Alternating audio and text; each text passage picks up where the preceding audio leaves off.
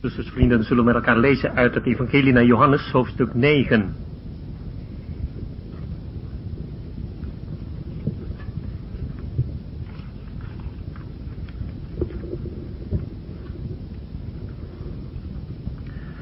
En toen hij voorbij ging, zag hij een mens blind van de geboorte af. En zijn discipelen vroegen hem en zeiden, Rabbi, wie heeft gezondigd, deze of zijn ouders, dat hij blind geboren werd? Jezus antwoordde, nog deze heeft gezondigd, nog zijn ouders. Maar het is opdat de werken van God in hem zouden geopenbaard worden.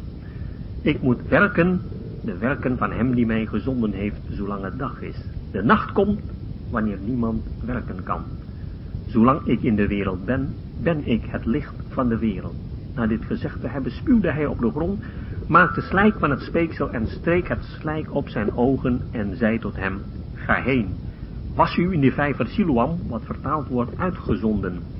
Hij dan ging heen, waste zich en kwam ziende terug. De buren dan, en zij die hem vroeger als bedelaar hadden gezien, zeiden, is hij dat niet die zat te bedelen? Sommigen zeiden, hij is het. Anderen, hij lijkt op hem. Hij zei, ik ben het. Ze zeiden dan tot hem, hoe zijn uw ogen geopend? Hij antwoordde en zei, de mens, Jezus geheten, maakte slijk, bestreek mijn ogen en zei tot mij, ga heen naar Siloam en was u. En ik ging heen, waste mij en werd ziende. Zij dan zeiden tot hem, waar is hij? Hij zei, ik weet het niet. Zij brachten hem, die vroeger blind was geweest, tot de fariseeën en het was Sabbat toen Jezus het slijk maakte en zijn ogen opende. Ook de fariseeën dan vroegen hem opnieuw hoe hij ziende was geworden. En hij zei tot hem, hij legde slijk op mijn ogen, ik waste mij en ik zie. Sommigen dan van de fariseeën zeiden, deze mens is niet van God, want hij houdt de Sabbat niet. Anderen zeiden, hoe kan een zondig mens zulke tekenen doen? En er was verdeeldheid onder hen. Ze zeiden dan opnieuw tot de blinde, gij, wat zegt gij van hem, want uw ogen heeft hij geopend. En hij zei, hij is een profeet. De joden dan geloofden niet van hem dat hij blind geweest was en ziende was geworden, totdat ze de ouders geroepen hadden van hem die ziende was geworden. En ze vroegen hun en zeiden, is dit uw zoon van wie gezegd dat hij blind geboren is? Hoe zit hij dan nu? Zijn ouders antwoordden hun en zeiden, wij weten dat dit onze zoon is en dat hij blind geboren is. Maar hoe hij nu ziet, weten wij niet. Of wie zijn ogen geopend heeft, weten wij niet. Hij heeft zijn leeftijd. Vraagt het hem zelf. Hij zal voor zichzelf spreken. Dit zeiden zijn ouders omdat zij de Joden vreesden, want de Joden waren reeds overeengekomen dat als iemand hem als de Christus beleed, hij uit de synagoge zou gebannen worden. Daarom zeiden zijn ouders, hij heeft zijn leeftijd, vraagt het hem zelf. Zij riepen dan voor de tweede maal de mens die blind geweest was en zeiden tot hem, geef God de eer. Wij weten dat deze mens een zondaar is. Hij nu antwoordde, of hij een zondaar is weet ik niet. Eén ding weet ik, dat ik blind was en nu zie. En ze zeiden opnieuw tot hem, wat heeft hij u gedaan? Hoe heeft hij uw ogen geopend? Hij antwoordde hun, ik heb het u al gezegd en gij hebt niet geluisterd. Waarom wilt gij het opnieuw horen? Wilt ook gij zijn discipelen worden? Ze gaven hem scheldwoorden en zeiden, gij zijt zijn discipelen, maar wij zijn discipelen van Mozes. Wij weten dat God tot Mozes gesproken heeft, maar van waar deze is, weten wij niet. De mens antwoordde en zei tot hem, hierin is toch iets wonderlijks dat gij niet weet van waar hij is, en toch heeft hij mijn ogen geopend. En wij weten dat God geen zondaars hoort, maar als iemand Godvrezend is en zijn wil doet, die hoort hij. Van eeuwigheid af is het niet gehoord dat iemand de ogen van een blindgeborene geopend heeft. Als deze niet van God was, zou hij niets kunnen doen. Zij antwoordden en zeiden tot hem, Gij zijt geheel in zonden geboren en leert gij ons? En ze wierpen hem uit. Jezus hoorde dat zij hem uitgeworpen hadden en toen hij hem gevonden had, zei hij tot hem, gelooft gij in de Zoon van God? Hij antwoordde en zei, wie is hij, Heer, opdat ik in hem mogen geloven? Jezus zei tot hem, gij hebt hem gezien. Hij die met u spreekt, die is het. En hij zei, ik geloof, Heer. En hij aanbad hem. En Jezus zei, ik ben tot een oordeel in deze wereld gekomen, opdat zij die niet zien, zien mogen en die zien blind worden. En die bij hem waren van de fariseeën hoorden dit en zeiden tot hem, zijn wij dan ook blind? Jezus zei tot hen, als gij blind waart, zoudt gij geen zonde hebben. Maar nu gij zegt, wij zien, nu blijft uw zonde. En dan nog uit Spreuken 4, vers 18. Het pad van de rechtvaardige is als het glanzende morgenlicht dat steeds helderder straalt tot de volle dag. Ik dacht aan deze tekst ook bij overdenking van de geschiedenis van deze blindgeborene.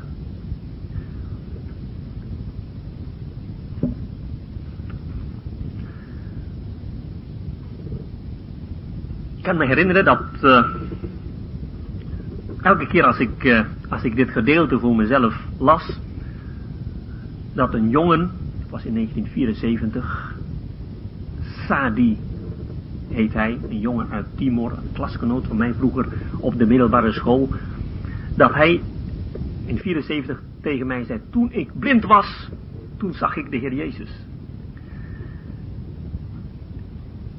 Op de middelbare school, toen wilde hij niets van de Heer Jezus weten en wij als gelovige middelbare scholieren, wij hadden bijbelkringen, bidstonden enzovoorts. Maar Sadi wilde nooit wat mee te maken hebben, totdat hij op een gegeven moment, hij maakte vuurwerk samen met zijn broer in huis en toen enorme ontploffing en hij was voor enkele jaren blind. En toen hij blind was, toen had hij tijd om na te denken over allerlei dingen, maar ook de getuigenis van de christelijke scholieren. En dat was aanleiding voor hem om zijn leven aan de Heer Jezus te geven daardoor de uitspraak toen ik blind was, toen heb ik de Heer Jezus gezien.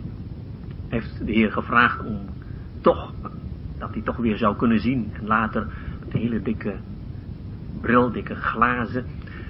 Toen kon hij een klein beetje weer zien. En toen ik terug was in 74, toen was hij weer bezig met zijn middelbare school.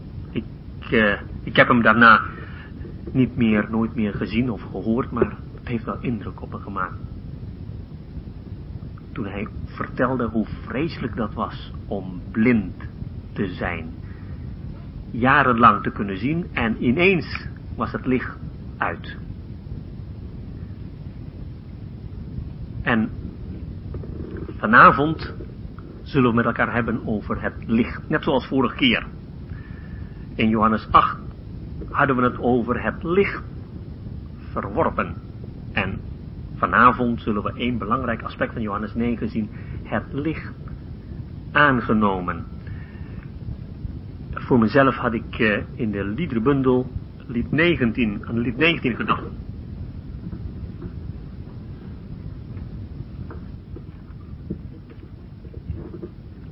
Waar in het tweede vers lezen we dat woord houdt aan de mens zijn eigen beeld voor ogen, toont hem zijn boze hart en diep verdorven aard.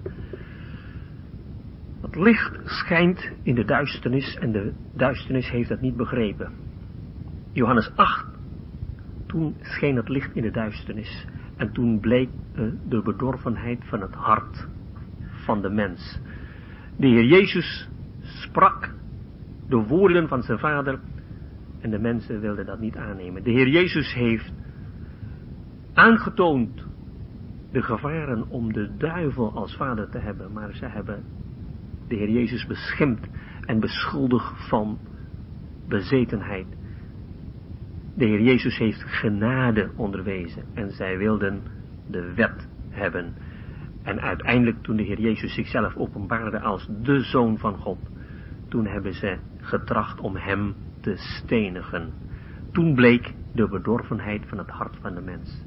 In Johannes 8, vers 12 lazen we ook vorige keer dat de Heer Jezus zei, ik ben het licht der wereld. In Johannes 9 vinden we dat nog een keer in vers 5. Ik ben het licht der wereld.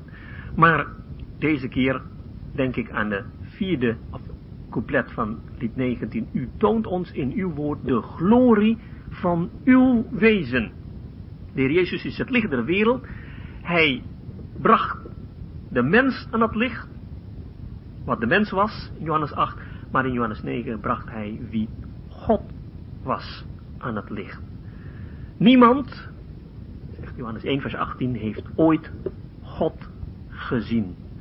De enige geboren zoon die in de schoot van de vader was, die heeft hem verklaard. En dat zien wij met name hier in Johannes 9. Hoe, hoe het licht scheen in de duisternis. Hij kwam tot het zijne, zegt Johannes 1 vers 10. En de zijnen, de Joden, in Johannes 8, hebben hem niet aangenomen. Vers 12. Maar zoveel hem aangenomen hebben, hun heeft hij macht gegeven om kinderen van God te worden. En dat zien wij hier uitgebeeld in deze blindgeborenen. Daar vind je een enkeling als een illustratie van de waarheid van Johannes 1 vers 12.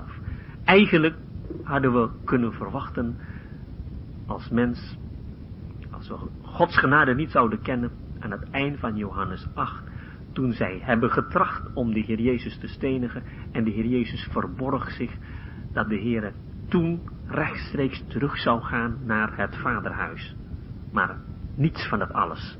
Wij kennen het verhaal en daarom kunnen we het niet zo goed voorstellen. Maar eigenlijk als alleen maar rechtvaardigheid daar zou zijn, dan had de Heer Jezus rustig terug kunnen gaan naar het vaderhuis. Maar hij heeft hier in Johannes 9 de genade De genade aan een enkeling.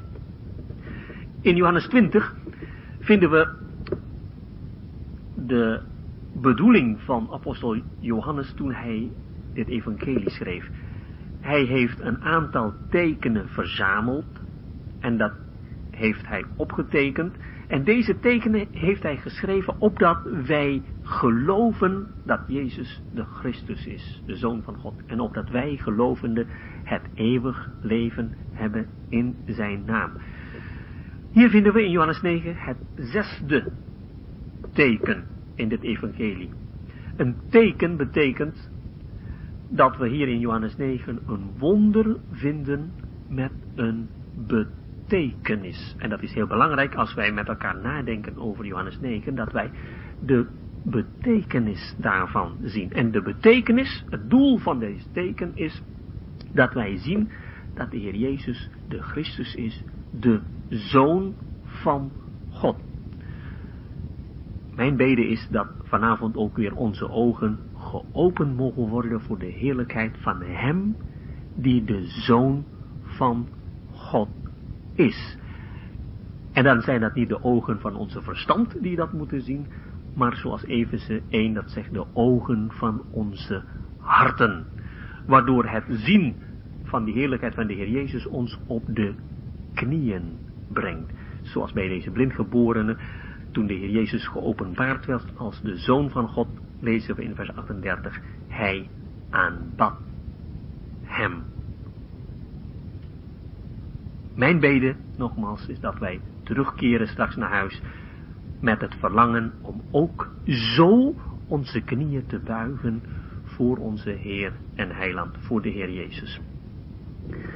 Johannes 8 en Johannes 9 zijn met elkaar verbonden, dat hebben we gezegd. Dat blijkt ook uit het woordje en in vers 1. En toen hij voorbij ging, blijkt ook uit het feit dat zowel in hoofdstuk 8 als in hoofdstuk 9 wij vinden dat de Heer Jezus wordt voorgesteld als het licht der wereld.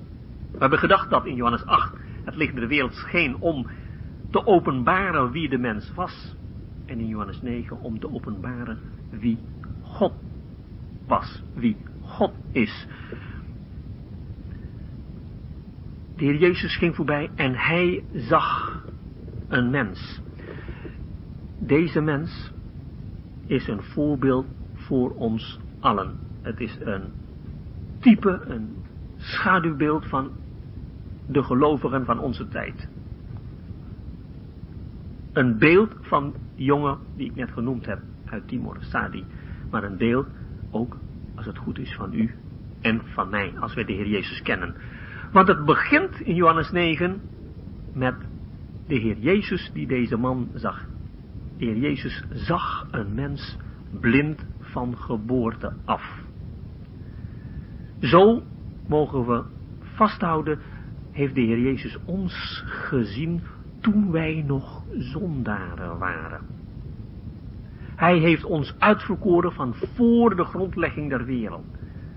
Dat is iets wat we mogen vasthouden.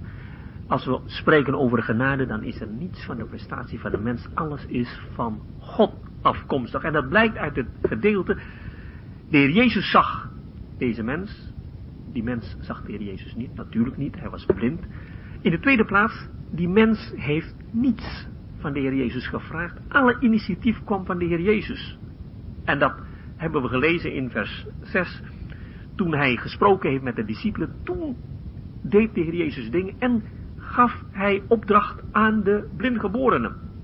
Dus er is geen enkel verzoek van de kant van de blindgeborenen. Hier zien wij de kant van Gods genade Alles is van God, van God afkomstig. Johannes 6. Niemand kan tot mij komen tenzij de Vader hem trekt. Hier zien wij de Vader, hier zien we de Heer Jezus bezig om iemand bij het licht te brengen. En dan gaan we met elkaar nadenken over de verschillende groepen mensen die hier aanwezig zijn. Kunnen daar lessen eruit halen. En uiteindelijk zullen we kijken naar die blindgeborenen zelf. Maar als we kijken naar de verschillende groepen mensen, ik noem even drie of vier groepen.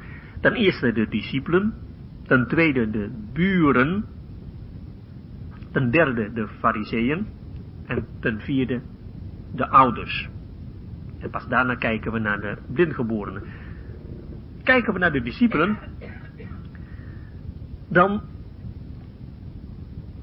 waren de discipelen eigenlijk al zo gewend met het zicht van het lijden dat toen, de, toen zij de blindgeborenen zagen, zij eigenlijk niet met ontferming waren bewogen, zoals bij de Heer Jezus, maar zij kwamen onmiddellijk met een theologische vraag.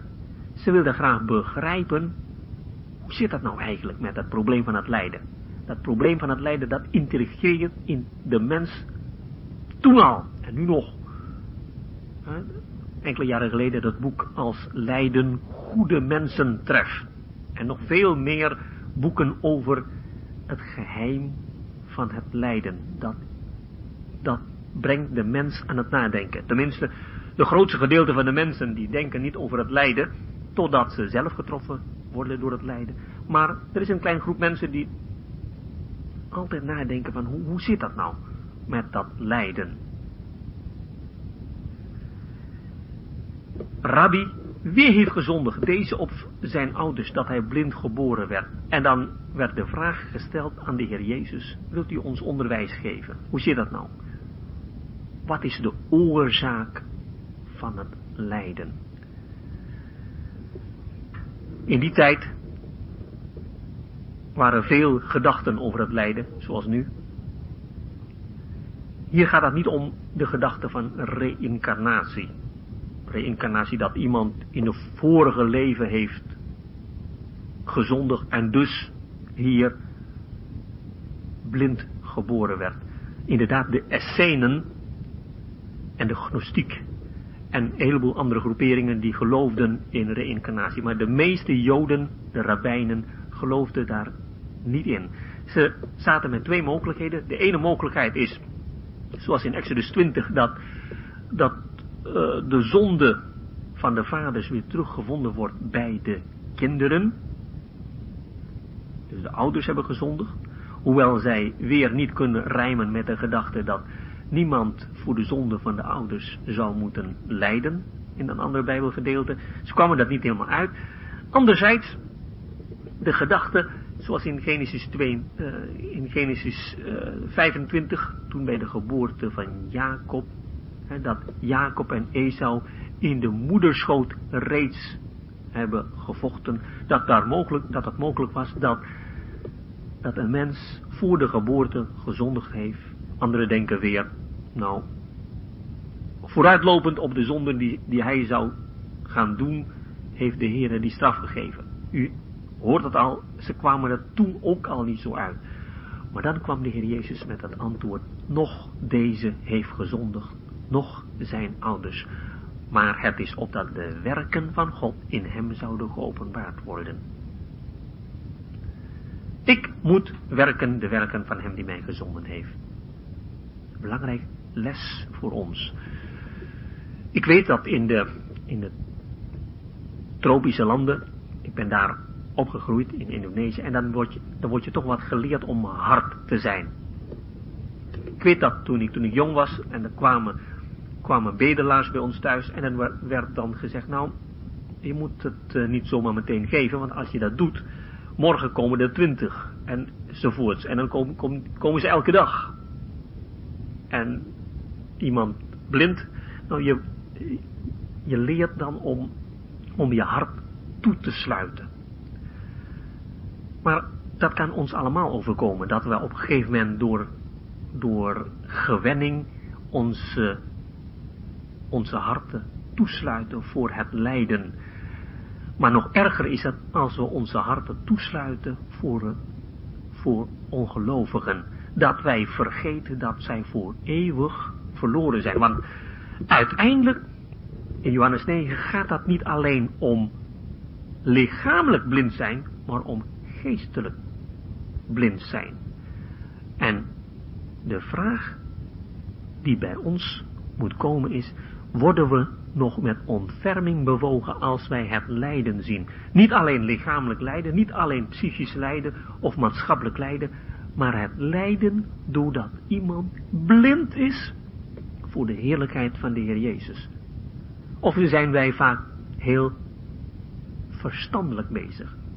Bij de Heer Jezus is het, is het anders. Hij zegt, het is opdat de werken van God zouden, in hem zouden geopenbaard worden. En wat is het werk van God? Dat vinden we in Johannes 6 vers 29. Dit is het werk van God dat gij gelooft in hem die hij gezonden heeft. Dat is de werken God. De werken God is niet alleen dat de lichamelijke blindheid van deze man opgeheven zou worden. Als wij met elkaar kijken naar Johannes 9, dan zien wij hoe de geestelijke ogen van deze man geopend worden voor de heerlijkheid van de Heer Jezus. En als wij hier lezen over de discipelen, dan kunnen we inderdaad met de vinger gaan wijzen naar deze discipelen dat zij zo zakelijk, zo koud spraken over de blindgeborenen. Maar de vraag is bij ieder van ons, als wij door genade de Heer Jezus hebben leren kennen, bidden wij nog voor onze buren die de Heer Jezus niet kennen. Als we horen van iemand die overlijdt zonder de Heer Jezus te kennen, doet het ons nog wel wat? Of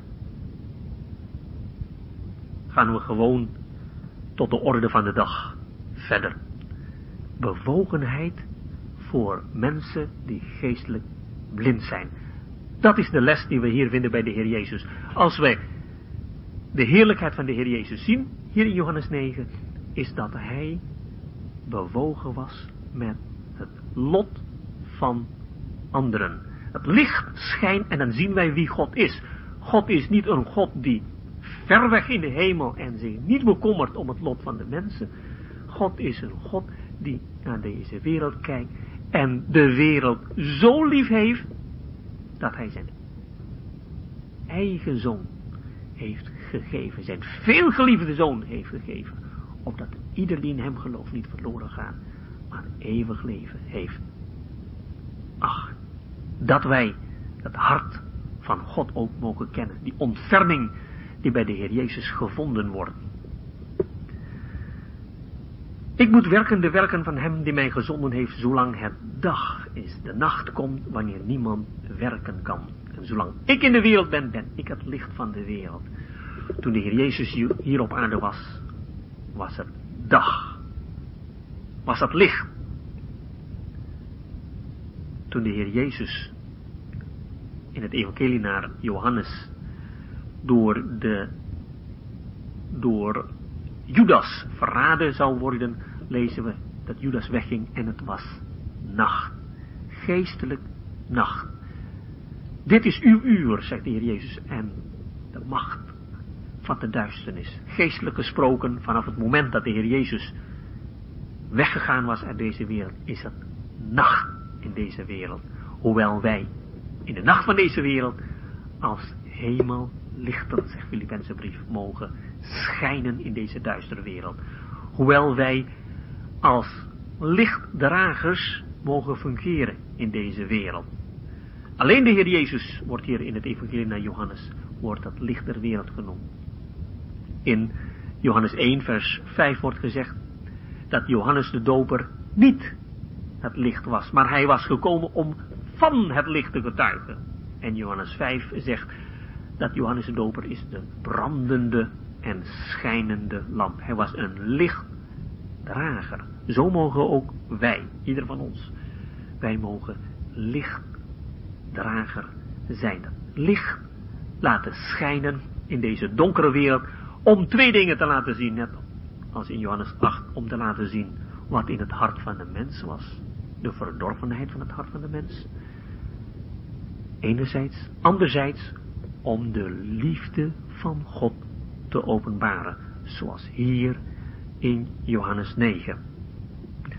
Toen de Heer Jezus dat zei, spuwde hij op de grond en maakte slijk van het speeksel en streek het slijk op zijn ogen en zei tot hem, ga heen, was u in de vijver Siloam, wat vertaald wordt, uitgezonden.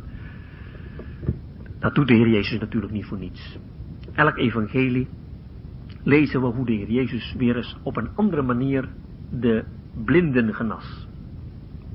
Later zou de blindgeborene zeggen, in eeuwigheid is dat niet gehoord dat iemand de ogen van een blindgeborene geopend heeft. In het Oude Testament vindt u dat niet. En zoals in Lucas 4 vanavond gelezen is, is het openen van de ogen van een blinde teken van de Christus. Daaraan kunnen we de Christus herkennen. De gezalfde van de Heer. En als u ziet in Matthäus 9 hoe de Heer Jezus een blinde genas, was dat door een blinde de ogen aan te raken. In Marcus 8 vindt u hoe de Heer Jezus een blinde genas, en dat is door in de ogen van die man te spugen. Maar hier in Johannes Evangelie spuwde hij op de grond, maakte slijk en smeerde dat slijk in de ogen van deze blindgeborene. Dat heeft natuurlijk een betekenis. Want er waren ook veel meer andere gevallen van blinden die genezen waren. Hoefde de Heer Jezus alleen maar te genezen, te spreken en dat was voldoende. In Matthäus, dat kennen we, wordt de nadruk gelegd op het gezag van de Heer Jezus als de koning. En daarom hoefde hij alleen maar met zijn hand de ogen van de blinde aan te raken. In Marcus wordt hij als de vernederde dienstknecht gezien. En spuug is een beeld van vernedering. En zo wordt de Heer Jezus gezien als de vernederde mens. Maar in Johannes evangelie gaat dat een stap verder.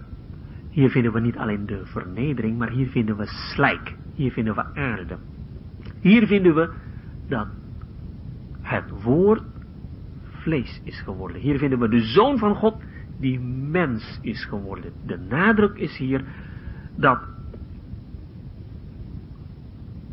dat de Heer Jezus mens is geworden om een licht te openbaren. Dat moeten we eerst accepteren. Hij maakte slijk van het speeksel en streek het slijk op zijn ogen. Ik weet niet of u ooit, uh, ooit uh, korreltjes zand in uw oog hebt gehad. Maar als u dat ooit hebt gehad, dan weet u dat dat heel vervelend is. Ik heb vaak gedaan dat ik, uh, dat ik een stukje ijzer of een stukje metaal uit het oog van iemand moet halen. Nou, dan moet je eerst goed verdoven. We hebben vandaag de dag goede verdovingsmiddelen.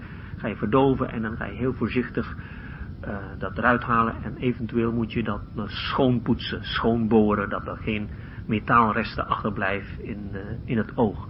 Maar het oog is ontzettend gevoelig. En nu moet u eens voorstellen dat in de oog van deze man slijk wordt gedaan. Allemaal zand. Dat prikt. Dat is enorm vervelend. Wat wil dat ons zeggen? In dit evangelie zien wij dat blindheid, het lichamelijke blindheid, is een beeld van geestelijk blindheid. Dat hebben we in Johannes 1 helemaal in het begin ook overwogen. Toen hebben we gedacht, in Johannes 1 vers 4, in hem was leven en het leven was het licht der mensen. Het licht schijnt in de duisternis en de duisternis heeft dat niet begrepen. En toen zond de Heer Jezus een getuige op aarde, Johannes de Doper, om van het licht te getuigen. We hebben toen gedacht, wat betekent dat? Dat iemand moet komen om te getuigen van het licht. Dat betekent dat die mensen allemaal blind waren. Want toen het licht aanging, toen hadden ze het niet in de gaten. Iemand moest komen om te vertellen, het licht schijnt nu. Dat betekent dat ze blind waren. En zo is het ook hier in Johannes 9. De blindheid van de mens is dat zij de heerlijkheid van God niet kunnen zien. Alleen diegenen die nieuw leven hebben ontvangen, die kunnen dat licht zien. Want daarom staat het in Johannes 1 vers 12 over mensen die hem hebben aangenomen, het recht hebben om kinderen van God te zijn. En dan in vers 14 lezen we over het woord is vlees geworden en wij hebben zijn heerlijkheid aanschouwd. Diegenen die dat nieuw leven hebben ontvangen, die zijn in staat om de heerlijkheid van de Heer Jezus te aanschouwen. Die zijn in staat om te zien. Maar anders zijn de mensen van nature blind. En wat nog erger dan deze blindheid is dat ze blind waren voor hun eigen blindheid. Dat ze niet wisten dat ze blind waren. Dat is eigenlijk de, de tragiek van het einde van Johannes 9, dat de Heer Jezus moest zeggen in vers 41, als gij blind waart, zou gij geen zonde hebben.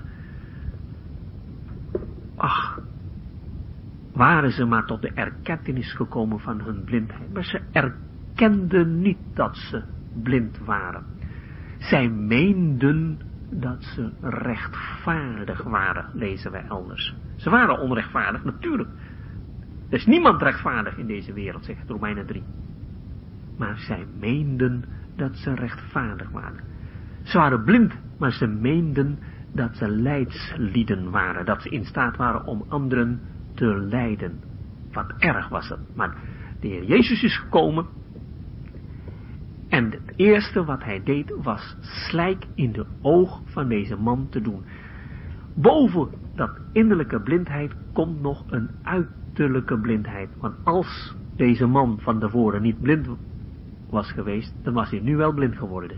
Dan, had, was het nu onmogelijk voor deze man om nog een straaltje licht te zien. De Heer Jezus komt op, op deze wereld. En het eerste wat hij doet is laten zien dat wij blind waren van nature. Ieder van ons. En niet blind geworden, zoals mijn vriend Sadi, maar blind van geboorte af. In zonde, in ongerechtigheid, zegt Psalm 51 vers 7, heeft mijn moeder mij ontvangen. Die zonde zit bij ieder van ons. We zijn zondaren, misdadigers, dood in onze zonden en misdaden van onze geboorte af. En het eerste wat we moeten doen is dit erkennen. En dat erkennen we als we een ontmoeting hebben met de Heer Jezus. De mens Jezus Christus. En dan zullen we de Heer Jezus ook leren kennen als de gezondene. Deze mens Jezus Christus is de ware Siloam. Siloach, in het Hebreeuws, Salach, betekent zenden. En hier is het een afgeleide Siloach, lezen we in Jesaja 9, oftewel hier, Siloam betekent gezondene. Letterlijk omdat, omdat het water komt uit de Gihonbron en langs de tunnel die Hiskia heeft gegraven toen Jeruzalem omringd zou worden door de Assyriërs. Hele knappe staal van, van, van werk is dat, wordt het water geleid van buiten de muren tot binnen de muren, waardoor ze het beleg zouden kunnen uithouden. En het water stroomde naar Siloam. En het water werd gezonden als het ware van de Gihonbron naar Siloam. En daarom heet dat ook Siloam, gezondene. Maar nu moest deze man beginnen met te erkennen dat de Heer Jezus de gezondene, het gezant van God was. Zoals de Vader mij gezonden heeft, zo zend ik ook u, zegt de Heer Jezus later. Hij is de gezondene van de Vader. En dat is de eerste stap die een mens mag doen, opdat zijn ogen geopend wordt. Erkennen dat er redding is in de mens Jezus Christus. Er is één God en één middelaar tussen God en mensen, de mens Jezus Christus. Dat vinden we hier.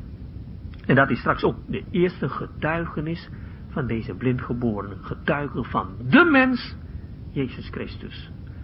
En dan zullen we straks zien hoe de ogen van deze blindgeborene, de geestelijke ogen van deze blindgeborene steeds meer open wordt, waardoor hij steeds meer de heerlijkheid van de Heer Jezus gaan zien. Eerst de mens, en daarna de profeet, en daarna van God, en daarna de zoon van God. En dan kwam je tot aanbidding. Want het gaat hier in Johannes Evangelie om de openbaring van de zoon van God. Dat zullen we straks zien. Maar wat wij nu vinden is dat de Heer Jezus zegt, ga naar Siloam en was u daar in die vijver. Daar in Siloam, daar heb je water. Als wij tot erkentenis waren gekomen van onze, zijn gekomen van onze zondige toestand, als wij, als het ware, die slijk op onze ogen hebben, dat we beseffen, en nu inderdaad is er totaal geen, geen enkel hoop meer voor mij als mens. Dan zegt de Heer Jezus, maar dan kun je naar het woord van God gaan. Dat water. En daar kom je bij Siloam. Daar zul je de Heer Jezus ontmoeten. De gezondene van God. Er is geen andere weg voor een zondaar dan eerst de diagnose vast te stellen dat hij blind was voor de heerlijkheid van God. Dat hij zondig was, geheel en al. En daarna naar het woord van God gaan. Want daar alleen, bij dat water, kun je de Heer Jezus ontmoeten. Er is geen andere plaats waar je de Heer Jezus kon ontmoeten in deze wereld. Je hebt mensen vandaag de dag die op zondag de schepping ingaat om de schepping te bewonderen en dan zeggen ze, ja, daar in de schepping kan ik God ontmoeten. Ja, daar kun je inderdaad, zoals Romeinen 1 dat zegt, de eeuwige kracht en goddelijkheid van God ontmoeten. Maar wat je niet ontmoet in de schepping is de Heer Jezus. Je kunt de Heer Jezus alleen maar ontmoeten in het woord van God. Siloam, de gezondene, bij dat water. Daar is de plaats waar je je ogen kunt wassen, waardoor je ogen genezen worden. Hoe geweldig is dat? Dat we hier zien de genade van God aan het werk. Dat licht schijnt schijnt in het hart van deze blindgeborene. En het, ja, wat dat betreft is het beeld niet voldoende, want als, als iemand hier blind is vanavond en het licht schijnt in zijn ogen, dan blijft hij blind. Maar hier is het licht in staat om de ogen te genezen. In hem is het leven. En het leven is het licht der mensen. En Johannes 8 vers 12 zegt ook zo, ik ben het licht van de wereld. Wie mij volgt zal geen zins in de duisternis wandelen, maar zal het licht van het leven hebben. Dus dat licht hier spreekt van de openbaring van het eeuwig leven, dat goddelijk leven. Dat licht is hier beeldspraak om aan te geven waar het hier om gaat. Het gaat hier in het evangelie naar Johannes om de openbaring van het goddelijk, van het eeuwig leven. En dat wordt uitgebeeld door twee dingen, licht en liefde. Je kunt voor uzelf drie trefwoorden vasthouden van het evangelie naar Johannes. Het belangrijkste trefwoord is leven. De eerste L, eeuwig leven, goddelijk leven, waardoor je een kind van God kan worden, waardoor je God tot vader kunt noemen. Tweede is licht, tweede L, en een derde L is liefde. God is licht, God is liefde. En het leven wat je mag, van God mag ontvangen worden ook gekenmerkt door deze twee dingen. Licht en liefde. En hier in Johannes 9, 8 en 9 vinden we het leven, het eeuwig leven, als het licht. Dat betekent, praktisch voor, nou, voor onszelf, als u en ik, daar waar wij zijn, het eeuwig leven openbaren, op het werk, thuis, op school, dan gebeuren er twee dingen. Dan zullen de mensen zichzelf zien in de tegenwoordigheid van God. Dan zullen de mensen hun eigen zondigheid beseffen. Dat was het geval bij deze vriend van mij, deze Sadi. Hij kwam tot het besef van zijn zondigheid. Maar hij kwam ook tot het besef van Gods grote genade. Dat licht schijnt en laat in zijn hart wie God, wie de Heer Jezus is. Geweldig is dat, als we dat eeuwig leven mogen openbaren. En dan komen we bij de tweede groep.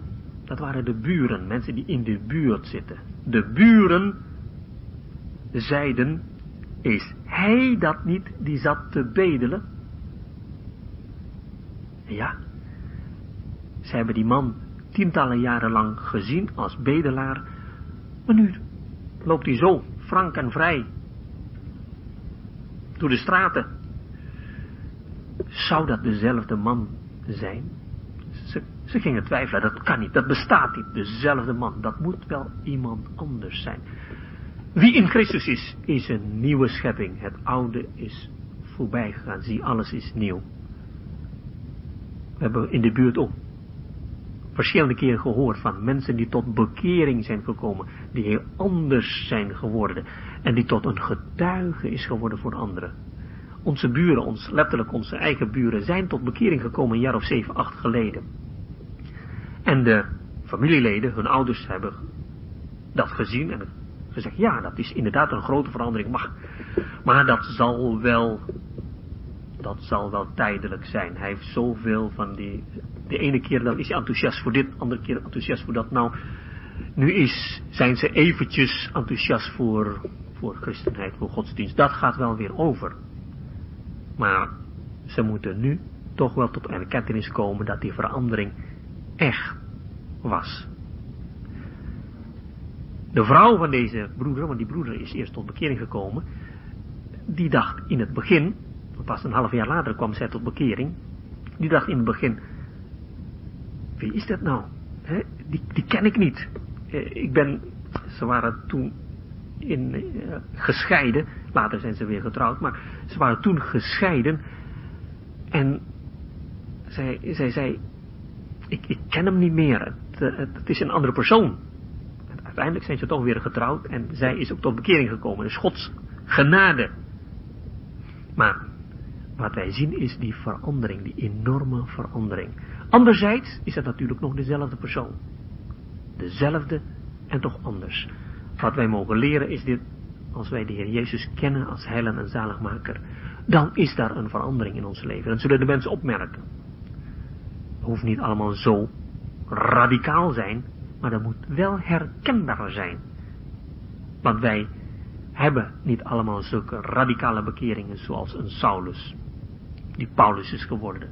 Maar ook een Timotheus die opgegroeid is in een gelovig gezin, die kan laten zien Dat nieuwe leven dat in hem aanwezig is. En dat is voldoende. Dat is voor de mensen aantrekkelijk. Je merkt het om je heen. Die mensen merken dat leven. Die merken dat leven dat gekenmerkt wordt door liefde. En als ze de liefde zien, zegt Johannes 13 vers 35, dan zullen ze erkennen dat gij discipelen van mij zijn. Wat een bemoediging. Dat wij dat in deze koude wereld mogen laten zien. Hij gaf een eenvoudige getuigenis. Ik ben het. Ja, meer niet. Dat is voldoende. Toen vroegen ze tot hem, hoe zijn uw ogen geopend? Helaas zijn de mensen niet geïnteresseerd in de Heer Jezus. Wie hij is. De mensen zijn alleen maar nieuwsgierig. Als er veranderingen zijn, dan proberen ze dat te analyseren. Te begrijpen, hoe zou je dat kunnen verklaren en hoe, hoe zit dat nou? Want in feite waren ze blind voor de heerlijkheid van de Heer Jezus. Ze waren alleen geïnteresseerd in een, in een wonder. Hun verstand is geprikkeld, ze willen graag begrijpen. Hoe, hoe zit dat nou? Eigenlijk is dat de, de hele, en als een refrein in heel Johannes evangelie. Probeer maar voor jezelf te vinden hoe vaak dat woordje hoe voorkomt. Bij Nicodemus. Hoe kan dat nou? Hoe kan een, mens weer in de, in de, in de, terugkomen? Uh, de, de Samaritaanse vrouw, heer, hoe kunt u water halen? U hebt geen, geen, geen emmer en de put is diep. Hoe kan dat? En hier in Johannes 9 tot vier keer toe. Hoe zijn uw ogen geopend? De mensen zijn geïnteresseerd in verklaringen, maar ze zien niet dat ze zelf blind zijn voor de heerlijkheid van de Heer Jezus. De mens, Jezus geheten, maakte slijk. Bestreek mijn ogen en zei tot mij. Ja, dat slijk, dat heeft hij gevoeld. En dan is het mooi dat we hier de nauwgezetheid van de getuigenis van de blindgeborene kunnen zien. De blindgeborene heeft niet gezien dat de Heer Jezus gespuwd heeft op de grond. Dat heeft hij ook niet vermeld. Dat wat hij ervaren heeft, dat wat hij gezien heeft, daarvan getuigt hij. En dat is voor ons ook een belangrijke les. Wij mogen getuigenis geven, niet iets wat wij weten van horen zeggen, maar getuigenis geven aan mensen om ons heen is vertellen wat wij van de Heer Jezus gehoord en gezien hebben, wat we meegemaakt hebben met de Heer Jezus. Dat spreekt het hart van de mensen aan. En dat kunnen de mensen ook niet ontkennen. En dan kun je mensen tegenkomen die, die graag willen discussiëren. Maar als je getuigenis geeft van je persoonlijk leven, dan valt niets te discussiëren. Dan komt dat met kracht op de zielen van deze mensen. Dan heb je maar twee mogelijkheden. Dan zullen ze buigen of barsten. Zullen ze of aannemen of weglopen. Er valt niet tegen een getuigenis te discussiëren. De buren kwamen er niet uit. En toen zochten ze hoger op. Helaas, dat is een beeld van de wereld om ons heen. Zij begrijpen het niet, maar verder kan hun ook niet zoveel schelen. En dan laten ze het maar over aan deskundigen of anderen. Maar ze zijn zelf niet op zoek naar de waarheid. dan komen we hier de fariseeën, die in vorig hoofdstuk reeds onmaskerd waren als blinden, als diegenen die vijandig waren tegen de Heer Jezus. En deze fariseeën waren blind vanwege hun theologische gedachten. Zij zaten gebonden in de Sabbatwet. Dat heeft de Heer Jezus al eerder gedaan in Johannes 5. Iemand genezen in de, op een Sabbat. En drie hoofdstukken lang, hoofdstuk 6, 7 en 8, zien wij de gevolgen daarvan. De vervolging die plaatsvonden doordat de Heer Jezus in Johannes 5 die genezing heeft gedaan. De vervolging is als het ware geluwd, maar nu komt een nieuwe vervolging op grond van een nieuwe genezing op de Sabbat. En dan zegt, en dan lezen we in vers 15, de fariseeën vroegen hem opnieuw hoe hij ziende was geworden. Die man gaf een getuigenis. In plaats van dat die fariseeën zouden zeggen, wat geweldig, wat fijn voor je. Dat je nou weer kunt zien. En hoe, hoe kunnen we die man bedanken? En hoe kunnen we misschien van die man nog iets leren? Want Lucas 4 citeert uit Jesaja hoe de opening van de blindheid van een mens een teken is van de Christus. Maar dat deden ze niet. Zij keken alleen maar naar het feit dat dat op de Sabbat plaatsvond. En toen zeiden ze, iemand die de Sabbatwet overtrad, kan nooit van God zijn. Dus, dan kan deze wonder ook niet plaatsvinden. En daarom trachten ze allerlei wegen te zoeken om deze wonder te ontkennen. Daar ging het bij de fariseeën om. Er was een feit, maar dat moeten ze ontkennen, want dat klopt niet met hun theologische vooronderstellingen. En daarom lezen we hier keer op keer dat, hij, dat zij deze blindgeborene ondervroeg. Deze mens is niet van God, want hij houdt de Sabbat niet. En anderen zeiden, hoe kan een zondig mens zulke tekenen? Dat is een dilemma. Want een zondig mens kan deze tekenen niet doen. De enige oplossing zou zijn als die teken vals is. Als je die wonder zou kunnen ontkennen, dan ben je van alle problemen af. Maar Johannes maakt hier heel zorgvuldig duidelijk dat die teken echt was. Vandaag de dag heb je nog steeds de nazaten van de fariseeën, je zou haast zeggen de nazaten van de Sadduceeën, die proberen nog steeds om de wonderen van de Bijbel te ontkennen. Maar hier zien we in Johannes 9 heel duidelijk, deze wonder moet een feit zijn. Het is een feit. Zonder deze feit haal je deze teken weg. Zoals in 1 Korte 15, zonder opstanding haal je de kern zonder het feit van de opstanding haal je de kern van het christelijk geloof weg. We lezen in vers 17, ze zeiden dan opnieuw tot de blinde, gij, wat zegt gij van hem, want uw ogen heeft hij geopend. Nu wordt de aandacht niet meer zo gericht op die wonderen zelf, maar nu wordt die aandacht gericht op diegene die dat gedaan heeft. En zo is het ook in ons leven. Als het goed is en wij geven een getuigenis, en als we een goede getuigenis geven, dan getuigen we van Hem. Dan getuigen we niet over onszelf, over hoe goed wij zijn, hoe vroom wij zijn, of alles om ons, om om ons heen, maar dan gaat het om Hem. En de vraag is, wat zegt gij van Hem, want uw ogen heeft Hij geopend. En Hij zei, Hij is een profeet, iemand die de woorden Gods spreekt. Hier zien wij al een geestelijke groei. Hij was trouw in dat, dat wat hij toevertrouwd was. Hij getuigde, de mens Jezus heeft mij genezen. En nu gaf de Heer hem meer licht. En nu zegt hij, hij is een profeet. Hij zegt niet, hij is de profeet. Zoals Johannes 6, maar hij is een profeet.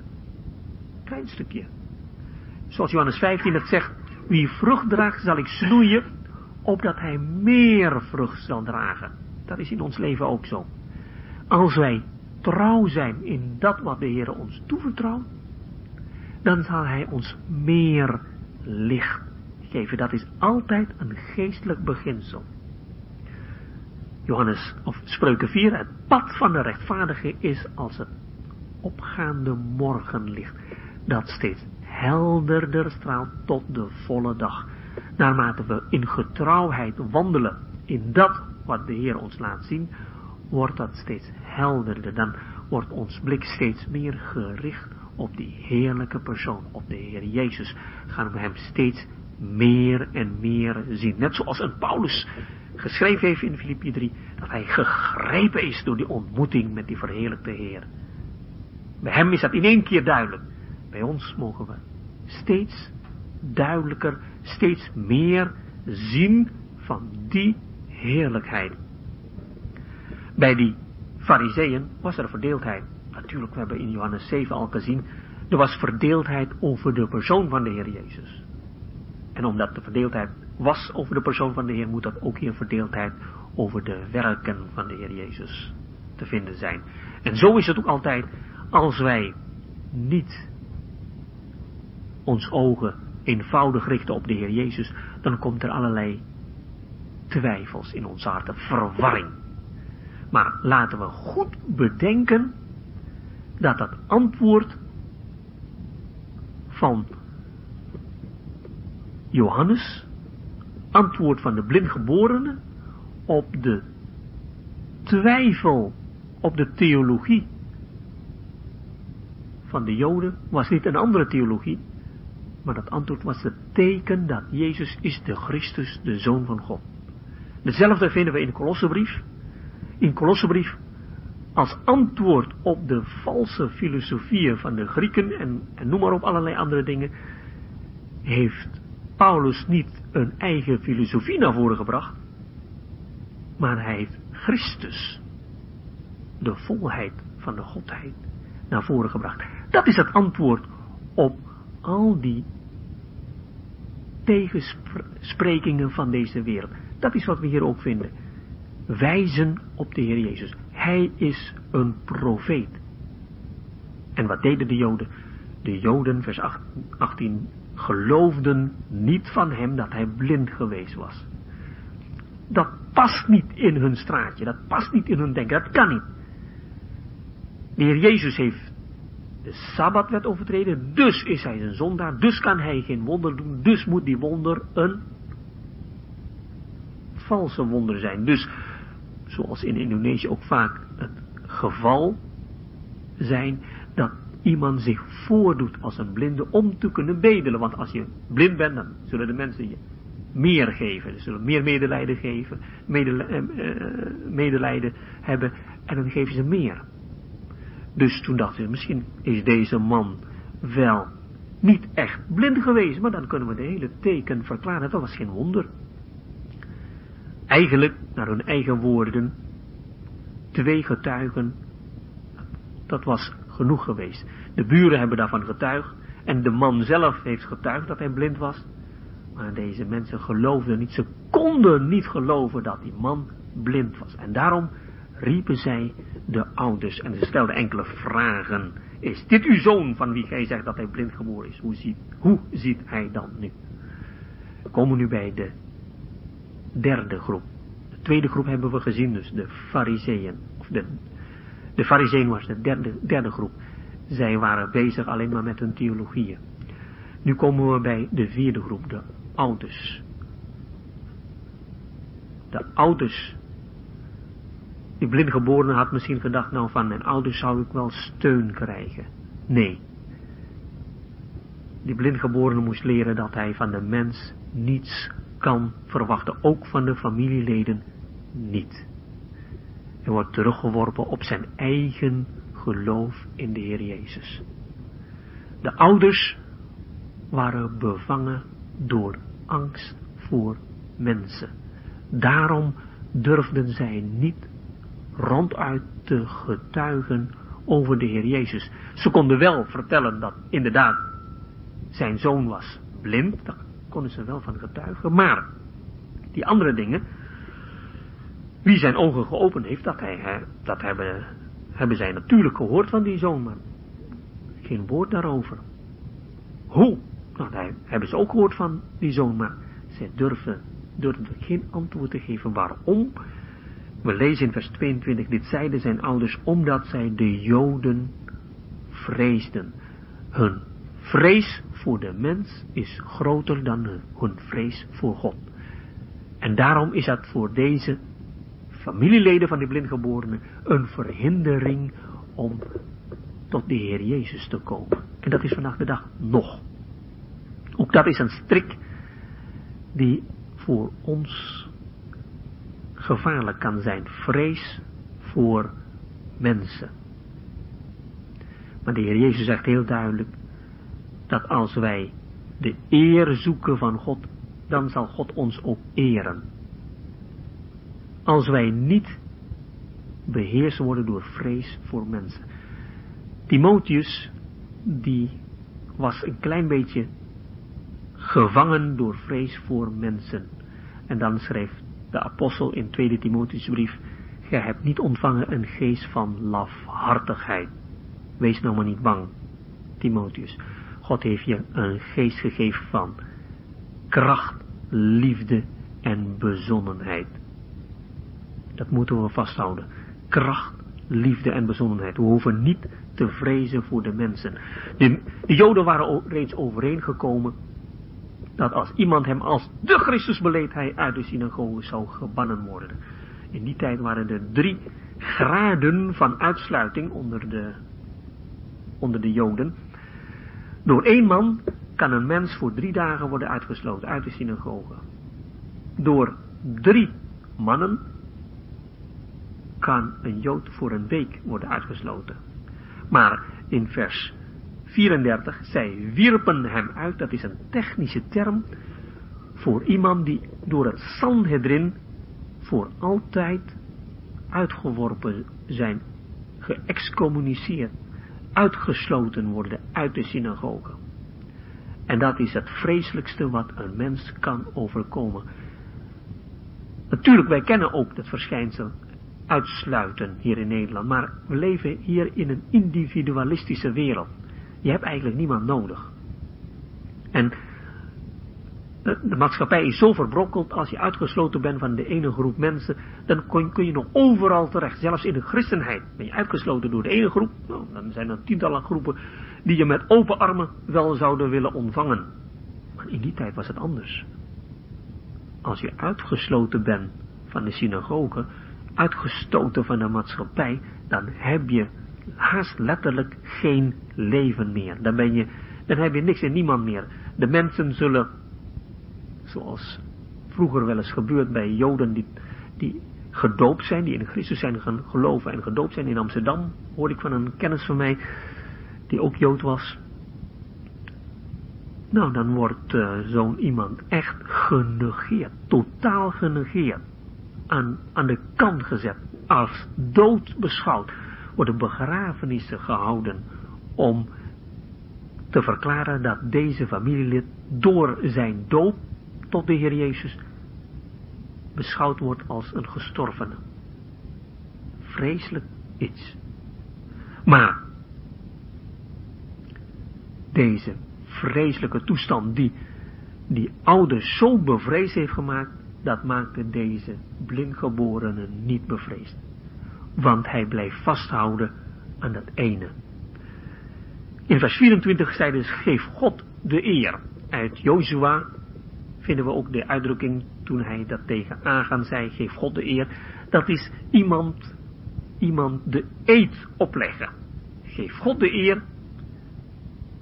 Wij weten dat deze mens een zondaar is. De blindgeborene moet een verklaring afleggen over de persoon van de Heer Jezus. Op dit moment kon hij, dat, kon hij nog geen antwoord geven. Hij zegt, of hij een zondaar is, weet ik niet. Eén ding weet ik, dat ik blind was en nu zie. Hij gaf opnieuw een persoonlijk getuigenis. Hij was trouw in dat wat de Heer hem heeft toevertrouwd. En daarom geeft God hem meer licht. Dat is een enorm belangrijk beginsel. Bent u trouw in dat wat God u toevertrouwt, zal God u meer licht geven. U kunt niet verwachten licht voor overmorgen, als u het licht van vandaag niet gehoorzaamt. Uw woord is een lamp voor mijn voet, maar dat lamp is geen zaklantaarn die, die vele meters, vele dagen lang kan schijnen. Dat is een lamp voor vandaag. Iemand heeft wel eens gezegd, in die weg daar, in die donker, in de duisternis in Israël, als je zo'n lamp hebt, dan kun je zien wat je één of twee stappen kan doen. Maar de derde stap kun je niet meer zien. Maar dat is ook niet nodig. Want als je die ene en de tweede stap gedaan hebt, dan kun je zien wat je daarna moet doen. Maar die derde stap wordt niet duidelijk als je de eerste en de tweede niet hebt gedaan. Maar zo is het ook met Gods woord. Als u of ik dat wat God u duidelijk maakt niet gehoorzaamt, dan wacht God. Totdat u die stap gedaan hebt en dan zal God pas de volgende stap laten zien. Als student zongen we heel graag dat ene lied, er is een Heer, er is een Heer. Alleen hij wacht totdat hij ook voor jou zorgen mag. Hij kan je uitreddingen geven. Maar we moeten beginnen met gehoorzaamheid. En als we gehoorzamen, dan zal hij ons eren door meer licht te geven. Dat zien we hier bij deze blindgeborene. Want eerst in vers 25 sprak hij, of hij een zondaar is, weet ik niet. Maar daarna, vanaf vers 30 tot met 33, gaf hij wel een getuigenis dat de Heer Jezus geen zondaar was. Hierin is toch iets wonderlijks, sprak de blindgeborene. Wonderlijks, want die, die fariseeën, die leidslieden waren, die begrijpen het niet. Ze gaven hier tegen, tegen uh, gestelde opmerkingen. Ze zeiden in vers 29, wij weten dat God tot Mozes gesproken heeft. Dat is hun orthodoxe geloofsbeleidenis. Maar van waar deze is, weten wij niet. In Johannes 7 hebben ze gezegd, wij weten waar, waar de Heer Jezus vandaan kwam. Maar als de Christus komt, dan weten we niet waar hij vandaan is. Maar hier past dat hun niet om die uitspraak uit te spreken, draaien ze 100% om. Dat is een pure leugen, want ze wisten precies waar de Heer Jezus vandaan kwam, zegt Johannes 7. Maar dan zegt de blindgeborene, wij weten dat God geen zondaars hoort, iemand die in zonde leeft, dat hoort God niet. Isaiah 59, Psalm 66 maakt duidelijk dat onbeleden zonden een verhindering is voor ons gebedsleven. Daarom, deze blindgeborene, hoewel hij, hij niet geschoold was in de rabbijnse scholen, kende de gedachten van God uit het Oude Testament. Hij gaf getuigenis, God hoort geen zondaar, maar als iemand God vrezen is, die hoort hij. Dat is de eerste stelling. Tweede stelling. Van eeuwigheid af is het niet gehoord dat iemand de ogen van een blindgeborene geopend heeft. Hij kent het Oude Testament. Je vindt nergens een genezing van een blind, blinde. Helemaal niet van een blindgeborene. En dan trok, trok hij de conclusie, als deze niet van God was, dus geen zondaar, maar van God, zou hij niets kunnen doen. Ziet u die geestelijke groei? Eerst was de Heer Jezus een mens. Daarna is hij een profeet. En nu is hij van God. Hij is geen zondaar. Hij is van God. De fariseeën waren schaakmat. Eigenlijk, als ze eerlijk waren, als ze oprecht waren, hadden ze moeten erkennen dat de blindgeborene gelijk had. Dat licht schijnt nu via deze blindgeborene, via de werken van de Heer Jezus. En als ze eerlijk waren, hadden ze dit moeten erkennen. Maar zij kwamen niet tot het licht. Ze hadden de duisternis liever gehad dan het licht, want hun werken waren boos, zegt Johannes 3. En dat is wat we hier vinden. Zij antwoorden en zeiden hem, gij zijt geheel in zonden geworpen en leert gij ons. En zij wierpen hem uit. Eerst hebben ze scheldwoorden gegeven in vers 28 en nu hebben ze deze man uitgesloten omdat hij eerlijk getuigde van wat hij meegemaakt heeft. Gij zijt geheel in zonden geworpen. Daarin erkennen ze dat die man blind was. In zonde, geboren als blinde, en wil, wil, wil jij nu ons leren wat een hoogmoed. Dat zij niet bereid waren om te leren van deze blindgeborenen. Deze fariseeën waren God geleerden, maar de blindgeborene was door God zelf geleerd. En nu kwam hij op een terrein buiten de tempel. Zij wierpen hem uit. Macintosh heeft hierover geschreven, wat een gezegende plaats. Wat een gezegende plaats voor deze blindgeborene. Uit de tempel geworpen en nu bij de Heer Jezus. Want in Johannes 8, aan het eind, hebben we gelezen, ze hebben ook de Heer Jezus verworpen. En nu, zoals Hebreeën 13 dat zegt, buiten de legerplaats. Daar bij de Heer Jezus. Daar is de enige plaats waar de Heer Jezus zichzelf kan openbaren. Toen die blindgeborene nog in de tempel was, en de Heer Jezus was uit de tempel geworpen, toen kon de Heer Jezus zichzelf niet openbaren. Maar de Heer Jezus was aan het wachten totdat die man uitgeworpen was. En toen ging hij zich openbaren. Wat een gezegende plaats. Een plaats waar de Heer Jezus zichzelf kan openbaren. Verworpen door de mens. Buiten de lege plaats. Wat is de gedachte van God anders dan onze gedachten? Wij zouden zeggen, wat vreselijk voor die man. Wat onrechtvaardig, wat oneerlijk van de Joden. Om deze man, hij kan er niks aan doen. Om deze man uit te werpen. Maar we mogen zeggen, wat een gezegende plaats. Want hij komt nu op een plaats waar de Heer Jezus vrij tot hem mag, kan spreken. Zichzelf kan openbaren. En Johannes 10, volgende keer zullen we zien dat het naar het hart van de Heer Jezus was. Dat deze man uitgeworpen was. Dat is precies de bedoeling van de Heer Jezus. De fariseeën hadden gedacht, wij zijn nu klaar met deze blindgeborene. Het probleem is opgelost. We zijn van hem af. Maar ze hebben niet in de gaten dat zij door dat te doen juist instrument, instrumenten waren om dat te doen wat de Heer Jezus wilde doen. Namelijk om de stal van de Joden te verlaten. Dat hadden ze niet in de gaten. Ze waren blind voor deze dingen. Ze wisten niet wat ze deden.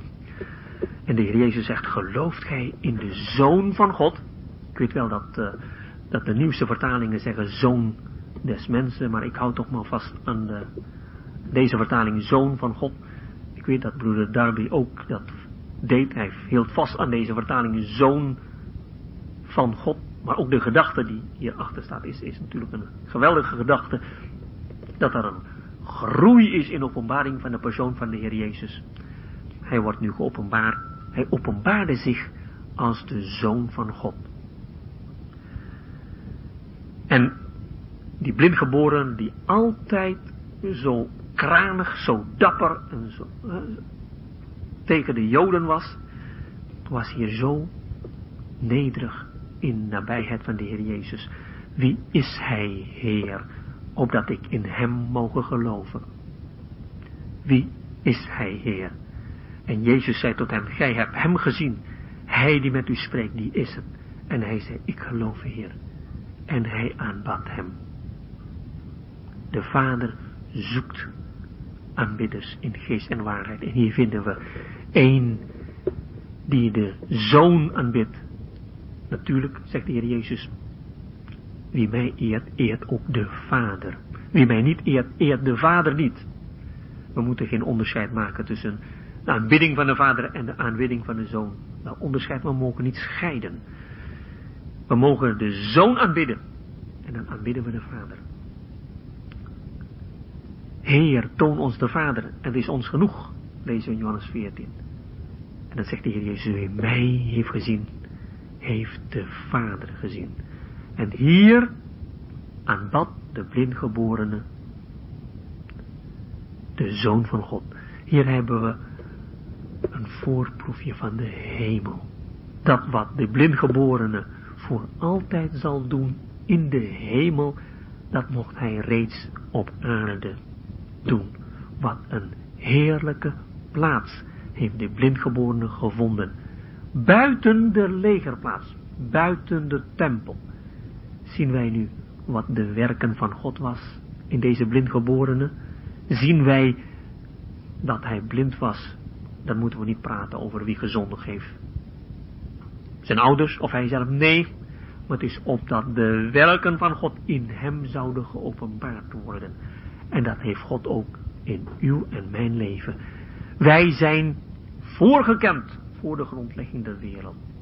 God zag ons reeds toen wij blind waren, voor de schepping reeds. Die hij voorgekend heeft, heeft hij voorbestemd om aan het beeld van zijn zoon gelijkvormig te zijn. En dat gebeurt alleen maar, zegt 2 Korinther 3, als onze ogen gericht zijn op hem. Als we geopende ogen hebben en zijn heerlijkheid mogen zien. Dan worden we naar zijn heerlijkheid veranderd. Naar zijn beeld veranderd. Van heerlijkheid tot heerlijkheid.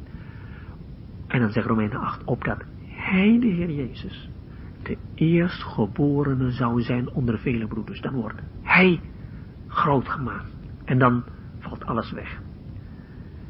Die blindgeborene heeft nu de Heer Jezus in zijn heerlijkheid gezien. Wij hebben zijn heerlijkheid gezien. De heerlijkheid van de enige zoon van de Vader.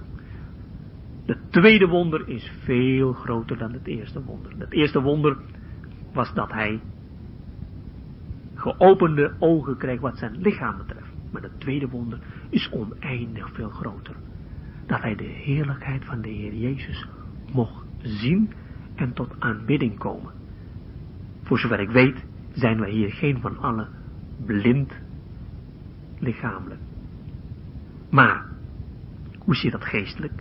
Zijn onze ogen ook gericht op de Heer Jezus? En als, we onze ogen, als onze ogen geopend zijn, zou dat kunnen zijn zoals Petrus brief dat zegt, dat wij bijziend zijn geworden, dat we de Heer Jezus niet zien, maar iemand die bijziend is, dan ben ik ook een beetje, als ik mijn bril afzet, dan kom ik tot zover zien. Verder weg, dan is dat, uh, is dat allemaal niet zo, uh, niet zo scherp. Iemand die bijziend is, die ziet niet verder dan zijn neus lang is, die, die houdt zich alleen maar bezig met zijn eigen leventje. Niet verder dan dat. Maar als we die ogenzalf van de Heer Jezus mogen ontvangen, dan mogen we Hem zien. En als we Hem zien, dan worden we veranderd. En wat dat betreft mogen we leren van deze blindgeborenen. Anderzijds, als we onze blindheid niet erkennen, dan is er geen hoop voor ons. We moeten eerst beginnen met erkenning te komen, uh, uh, tot erkentenis te komen van onze blindheid. Zowel bij ongelovigen, dan is dat een absolute blindheid, maar ook bij gelovigen, zoals bij de gemeente te Laodicea, dat je je oog niet meer richt op de Heer Jezus, maar op andere dingen. Misschien een heleboel dingen van vanavond bent u alweer vergeten, maar één ding mag u vasthouden. De vraag, ziet u de Heer Jezus in uw leven? Of bent u bedwelmd door uw werk, door problemen in de gemeente, door problemen thuis, door de storm om u heen? Als uw oog niet meer gericht is op de Heer Jezus, dan houdt u het niet vol. Dan zult u zinken als een Petrus daar op de storm. Maar de Heer Jezus wil uw ogen op Hem richten. En dat mogen we van de blindgeborenen leren. En als we onze ogen richten op Hem, dan worden onze ogen geopend. Dan wandelen we niet meer in duisternis, maar we zullen het licht van het leven hebben. Mogen de Heere geven dat in de korte tijd dat we hier nog op aarde zijn, dat we met elkaar mogen wandelen en de ogen allemaal gericht op die ene persoon die het voorwerp van ons hart mag zijn.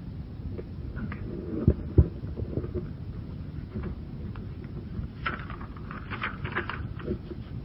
Een aantal vragen. In Handelingen 9 vers 8 kan Saulus drie dagen niet zien. Wilt u dat toelichten? Wat is de betekenis van Saulus blindheid? De eerste betekenis wat voor mij uh, zelf belangrijk is, is dat de ontmoeting met die heerlijkheid van de Heer maakt Saulus blind. Dat laat zien, dat benadrukt de blindheid van de mens. Tenminste, als je dat geestelijk wil, wil toepassen. Hetzelfde eigenlijk in Johannes 9, dat heb ik uh, vergeten te vermelden. Wat de Heer Jezus deed met het slijk in de ogen van die blindgeborene was om de blindheid van die mens te benadrukken, te onderstrepen. En dat die blindheid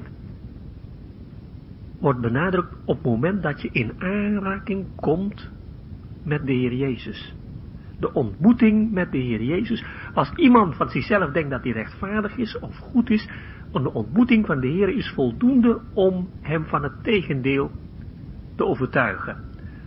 Maar dan komt hij naast de heilige, de rechtvaardige. Dan zal hij net als een Petrus zeggen in Lucas 5, ga uit van mij, want ik ben een zondig mens. Een ontmoeting met de Heer Jezus maakt duidelijk, ik ben dood in mijn misdaden en zonden, ik ben blind. Dat is hier ook in Johannes 9 de slijk en de, uh, het aarde gemengd met spreek van de Heer Jezus, de Zoon van God, op aarde gekomen in vernedering. Ontmoeting met Hem maakt duidelijk dat ik blind ben. Die toepassing wil ik, uh, wil ik voor mezelf maken. Ongetwijfeld kunnen er meer toepassingen gemaakt worden, maar daar, dan wil ik daar dan bij laten. Tweede vraag, zolang het dag is, is dat in verband met vers 5 omdat de Heer nog in de wereld was? Ja, dat denk ik wel. Want dan in Johannes 9 zegt de Heer Jezus...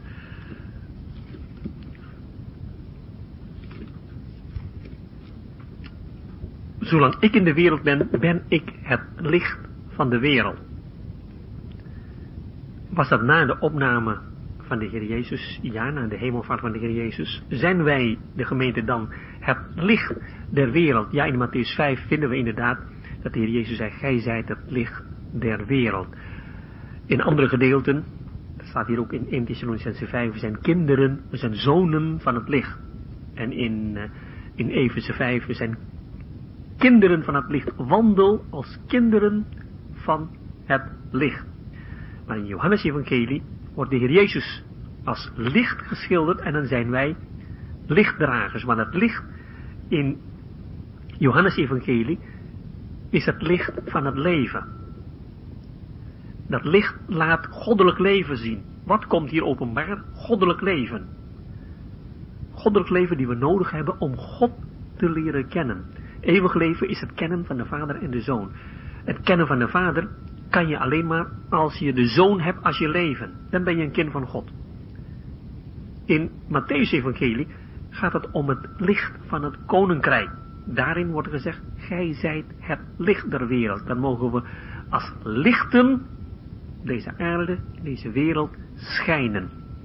In, uh, in Thessalonicense 5, zonen van het licht, dat betekent dat wij de kenmerken van het licht mogen laten zien. Zoon heeft te maken met kenmerken.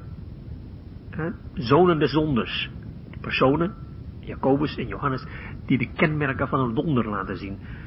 Barnabas, zoon der vertroosting. Hij laat vertroosting zien in zijn leven als kenmerk. Zonen van het licht, dan laten we het licht zien als kenmerk in ons leven. Dus in die zin zijn wij inderdaad zonen en kinderen van het licht. In Filippenzen 3 wordt een ander woord gebruikt, niet zomaar licht, maar hemellichten. Hemellichten die schijnen met name in het donker. God heeft in Genesis 1 tweeërlei lichten geschapen. Het grote licht en de kleine lichten. De Heer Jezus is het grote licht. Hij is de zon der gerechtigheid, zegt Malachi. Toen hij op aarde was, was hij het licht der wereld. Toen hij wegging, toen was het donker in de wereld. In geestelijk opzicht. En als het donker is, dan hebben we de kleine lichten.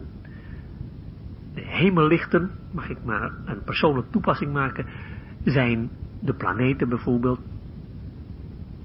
Leerstellig is het niet 100% juist vanuit het woord hemellichten, maar dan wil ik toch maar toepassen. Planeten die de lichten van de zon mogen weerkaatsen.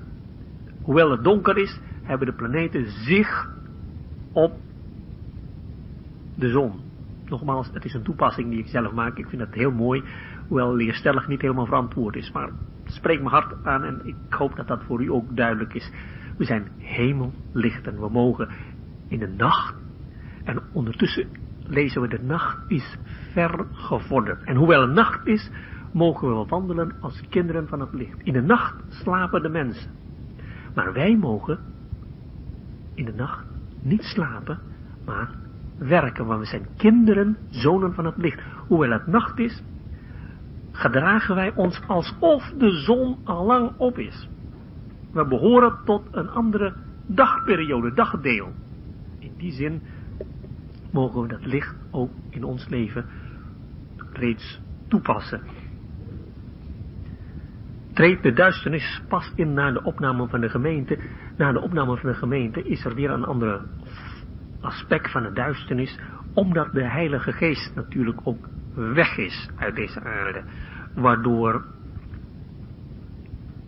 ja, dat de duisternis nog groter is.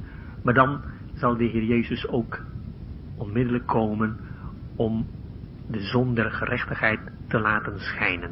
En dat is een uitstel geweest, maar geen afstel, dat hij wacht met te komen. Derde vraag, wij moeten bewogen zijn met mensen die zonder Christus sterven. Heeft een mens na zijn dood nog de mogelijkheid om tot inkeer te komen? Is het zinvol om daarvoor te bidden? Hebreeën 9 maakt heel duidelijk, laten we die tekst lezen, dat het is de mens beschikt eenmaal te sterven en daarna het oordeel. Je krijgt dus één kans, zolang je nog leeft. En daarom dacht ik aan dat beeld uit het boek Spreuken, als een boom, of prediker, sorry, ja, prediker 11 dan. Als een boom omgehouden wordt, dan valt hij. En zolang die boom nog staat, dan kun je de richting bepalen welke kant zal die vallen. Maar als hij eenmaal gevallen is, dan, tenminste met die reuzenbomen, dan, dan is het niet meer te veranderen. Maar zo is het ook met ons leven. Zolang wij nog leven, kunnen we de richting bepalen. Het zij de richting van de brede weg, het zij de richting van de smalle weg. Als we de Heer Jezus zelfs op het laatste moment, laatste ademsnik, zo de Heer Jezus aannemen als heiland en zaligmaker, dan kan de val van de boom als het ware nog veranderd worden naar die andere richting. Maar is die boom eenmaal gevallen, dan is het afgelopen. Dan is er geen tweede mogelijkheid.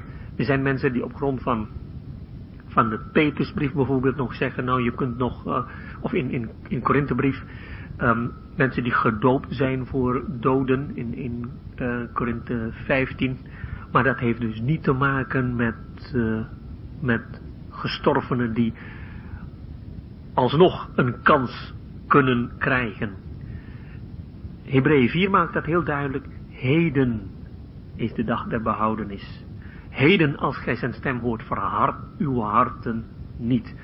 Als we de kans nu laten glippen, dan is dat voor eeuwig te laat. Ik denk aan de, aan de traktaat die Stichting Evangelie Lectuur uitgeeft. Kent misschien het traktaat met die film van uw leven. Hè? Een baby te jong. En een, uh, een, een peuter te speels. En een, student te druk met de studie.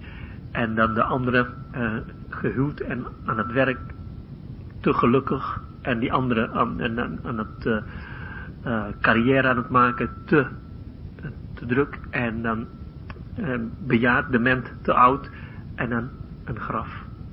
Te laat. Er is geen tweede kans. Dan is dat te laat. En daarom, heden is de dag der behoudenis.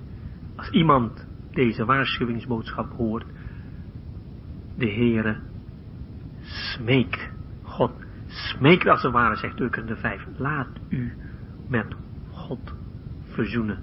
Nu kan dat nog. Nu is de dag van de genade. Laatste vraag. Hoe moet je dit uitgeworpen buiten de tempel zien in deze tijd? Voor mijn hart verbind ik, dat heb ik al gezegd, deze gedachte met Hebreeën 13. Hebreeën 13,